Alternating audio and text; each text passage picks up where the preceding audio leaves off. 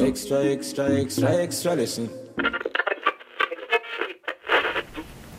Hello, Andreas. Hello, Tufa. How are you? All good, thank you. And you? I'm all good as well. Thank you. Ah, very good. Good to Uh, so uh, we talked uh, last week, and I Yes. thought we can have a quick chat before the game against Brage on. Yes. So okay, um, let's start with the game against, against Skövde, and um, uh, you know this season I have uh, said many times that uh, Öster, you know, start the game very well, but at this uh, match you did not. You said in an interview after the game that uh, the, the team was like in shock. Yeah, uh, I said that uh, when you going into the the game, which is very important, we knew it. You know that uh, after not having the, the the period with the good results, you know, you really needed a win at home. You know, and uh, like in advance playing against the team who is like on the last place, it's uh, putting a little bit, you know, how to say, even extra pressure on the team that you need to win that game, you know, at home. And uh, then you start the game, and after one minute you are 1-0 down. Mm. That's what uh, what I was meaning. That then the team was in shock, you know. So Right. because you are preparing, you know, really, and you're really motivated to to come into the game well, and uh, like I said, you know, get a good result, and then after one minute you are 1-0 down. So so the game didn't start. You were already in a in a minus, you know, and. um and everyone who saw the game, you know, first uh, 20 minutes, something like that, 20, 25 minutes, uh, after receiving that goal, you know, we were like all over the place. Mm. Uh, really lucky to not receive the second one. And then probably that will finish the game. But uh, after that tough period in the beginning, like I said, which was really, really tough for the for the player. I was a player as well, so I know how, how you feel in that momentum. Mm. Then um, I think we take step by step, you know, and uh, second uh, second part of the first half, I think that uh, that we, like I said, take the little bit better control, take the better positioning, extra passes, so we could have the better control with the ball and then winning the ball back after we lose it because we were in the right positions and yeah, coming better and better into the game and the goal what we scored in the last minute of the first half, of course, Mm. helped us a lot. You know that that um, going into the second half in much much better uh, mental position, you know, and uh, much calmer, you know, and uh, also we tried from the bench and uh, both in half time and during the first half just to send the, the, the, the message, you know, that the people need to stay calm and we have still plenty of time to, to turn the, the game around. And uh, I believe that we, we sent that message to them, you know.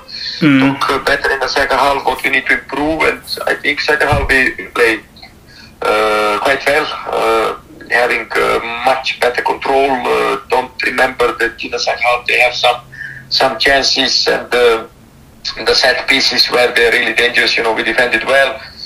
Had a lot of chances to score the third goal earlier and uh, kill the game and maybe finish with a with an even bigger result. But how many times? Three, four times. You know, hitting the post and. Mm. Uh, uh, yeah, having also other chances where keeper saved it two times or three times, one from Rod, one from Wiberg. We we didn't find a way to score that um, that third goal, which which will definitely, like I said, kill the game earlier. But uh, even in the end of the game, you know, we were calm. We keep the ball well and, and finish the, the, the game on that that way to, to, to close the game and get on the end. I believe the- these are three points, which which was very very important for us. Uh, absolutely. Uh, just uh, take me back to half time uh, for a moment. Personally, I think uh, you know, as a you know, my personality, whatever, uh, I would lose it. You know, in in terms of being uh, sort of angry at the performance for the uh, from the first half. Yeah. How how.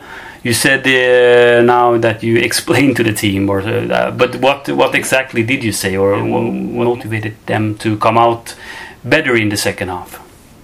But Andreas, you know, you know how it is. Um, as I told you before, even when we are discussing, yeah, who should start the game, who should play, why Mm. this player is playing, Mm. you are with them every day, you know. So, Mm. so you you know exactly in which moment uh, what you should uh, say and on which way you should say it. You know, sometimes you need to, like you said, you know, to be angry and wake up the people and Mm. tell the people that they're not doing right. But sometimes, you know, uh, you feel that they need maybe more uh, calm instructions with, Mm. with the small details, you know, what we need to improve, and definitely we needed to improve a little bit the positioning in the middle, especially because after receiving that goal, we were like, how to say, you know, all over the place. People were like losing the head and running all over the place just to to try to fix the problem and getting, you know, stress and tense. And um, then if you put even more tension, I don't believe that, that we will improve in the second half, you know. So so we went well, you know, what the small details, what we needed to improve, it, especially the positioning in attack, so we can have the better balance in the team and, as I said, better positioning, so we can connect better and then keep the ball better and have the, the better control. And um, and yeah, the, the the point was that we need to to get a winning goal or, or winning goals and find a way how to do it, you know. So in that momentum, I don't believe that to be angry and uh, shout on the people will, will help you. Uh, hel- help you. So so we decided to, to go on another way, and uh, I believe that response was good because uh, people didn't play well, but the people wanted, the people tried, you know. So so that's the big difference, you know, when uh, when you have the best performance, you know, on, on which way you're doing. And as I said, in our positioning before the game, getting the goal after one minute, uh, it's like like summer uh, hammer you, you know, down. So so we give the people confidence and support. And um as I said, I was very very pleased with the character what we showed. Uh, we didn't. Um, after, as I said, coming into the second half, we didn't uh, lose our head anymore, and we just rise up how the, the, the times was going.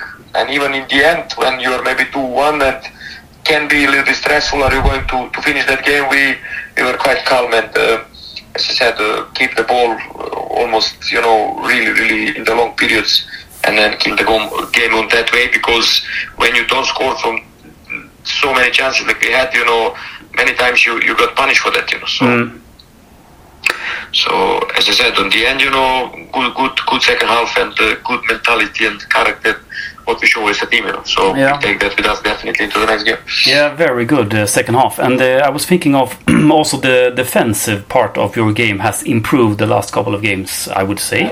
we work a lot, you know, on that during the during the break. And uh, as I said before, you know, if I show you the, the stats and stuff, we are still the team uh, in Super Etta who have the fewest shot on their goal, you know, and the fewest coming from the opponent into the final, uh, the, the penalty area or the final third. But we were like receiving the goal from every single chance what the, the people have it.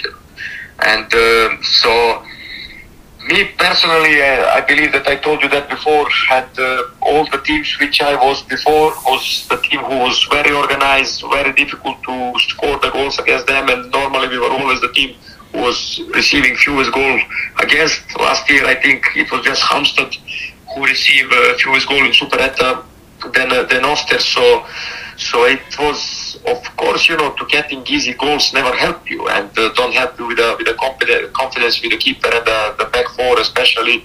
And uh, in general, you know, if you if you are receiving the goal after every single uh, chance of the opponent, you cannot win win many games, you know. And uh, we talk a lot about it and try to, to to work on it, and we are still working on it, definitely, you know. And I said also before the, the second part of the season, I believe that we will improve that and didn't have doubts of that because before I never have a problem with defending game, and never ever. So the people, I think it's really helping, and what you need to have it as well, it's it's help you know from the attacking players, which was not every time in the in the first part of the season. So so you cannot leave your teammate you know alone uh, in one-one situations, stuff like that. You need to come down lower and then help you know when we need to defend. And uh, the way how we are playing, it's not not the longer periods when uh, when we need to defend because normally we are defending higher on the pitch and pressing high. So so we need to continue improving, Andreas, and uh, continue working on that because end of the day, the defending part um, give you much more stability and the confidence for attacking, and if you do it properly. So so we need to continue improving in that. Uh, yes, uh, but still good work. Another uh, question that is not related. Oh, it's related to the game, but it, it's related to the um, the pitch. There were some new grass, and there were some complaints. Did it uh, affect your game, or? Uh, you know, normally, like you know, you know, I'm never talking about some uh, some other things uh, except me myself or the team. You know, of course, the pitch was not hundred percent ready, and uh, um, on the one side, you know, we wanted to play at Visma as a club and as a team, and you want to play at your Mm. home, you know, not Mm. going all over around, you know, especially, uh, like I said, you know, we, it, it was easier to, for the organization. You have uh, your people to coming there much more because the plan B, what I knew, it was like Värendsvallen or Borås, you know Mm, mm. if you're playing on Borås, this is like you're having the away game, and I don't believe that that you will have many of the supporters, you know, driving there and, and watch the game. So for the organization, for the club, and for everyone, that was the, the best solution. Uh,